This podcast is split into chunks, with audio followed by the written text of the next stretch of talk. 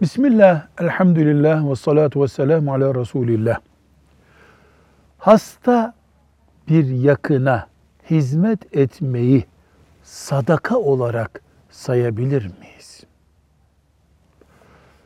Eğer hasta anneye babaya, kardeşe, amcaya, eşe hastalığın süresince hizmet etmek sadaka değilse bu dünyada sadakalık bir pozisyon kalmadı demektir. En güzel sadakalardan biridir. Yolda yol kaybetmiş birisine şuraya gideceksin diye yol göstermek bile sadakadır.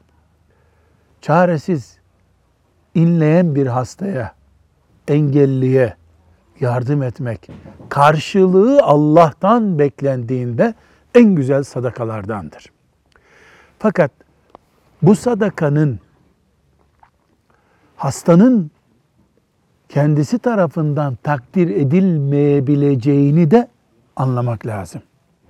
Yani zor bir şey yapılıyor, sevap kazandırıyor, sadaka sevabı kazandırıyor, büyük hasenat getiriyor ama hasta açısından bu takdir edilemeyebilir, nankörlükle karşılanabilir.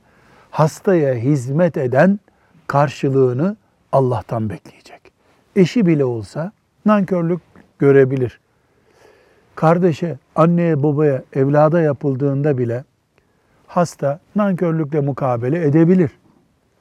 Karşılığını Allah'tan bekliyor olduktan sonra hastaya hizmet eden hep kazançlıdır. Dünyada da kazançlıdır, ahirette de kazançlıdır. Velhamdülillahi Rabbil Alemin.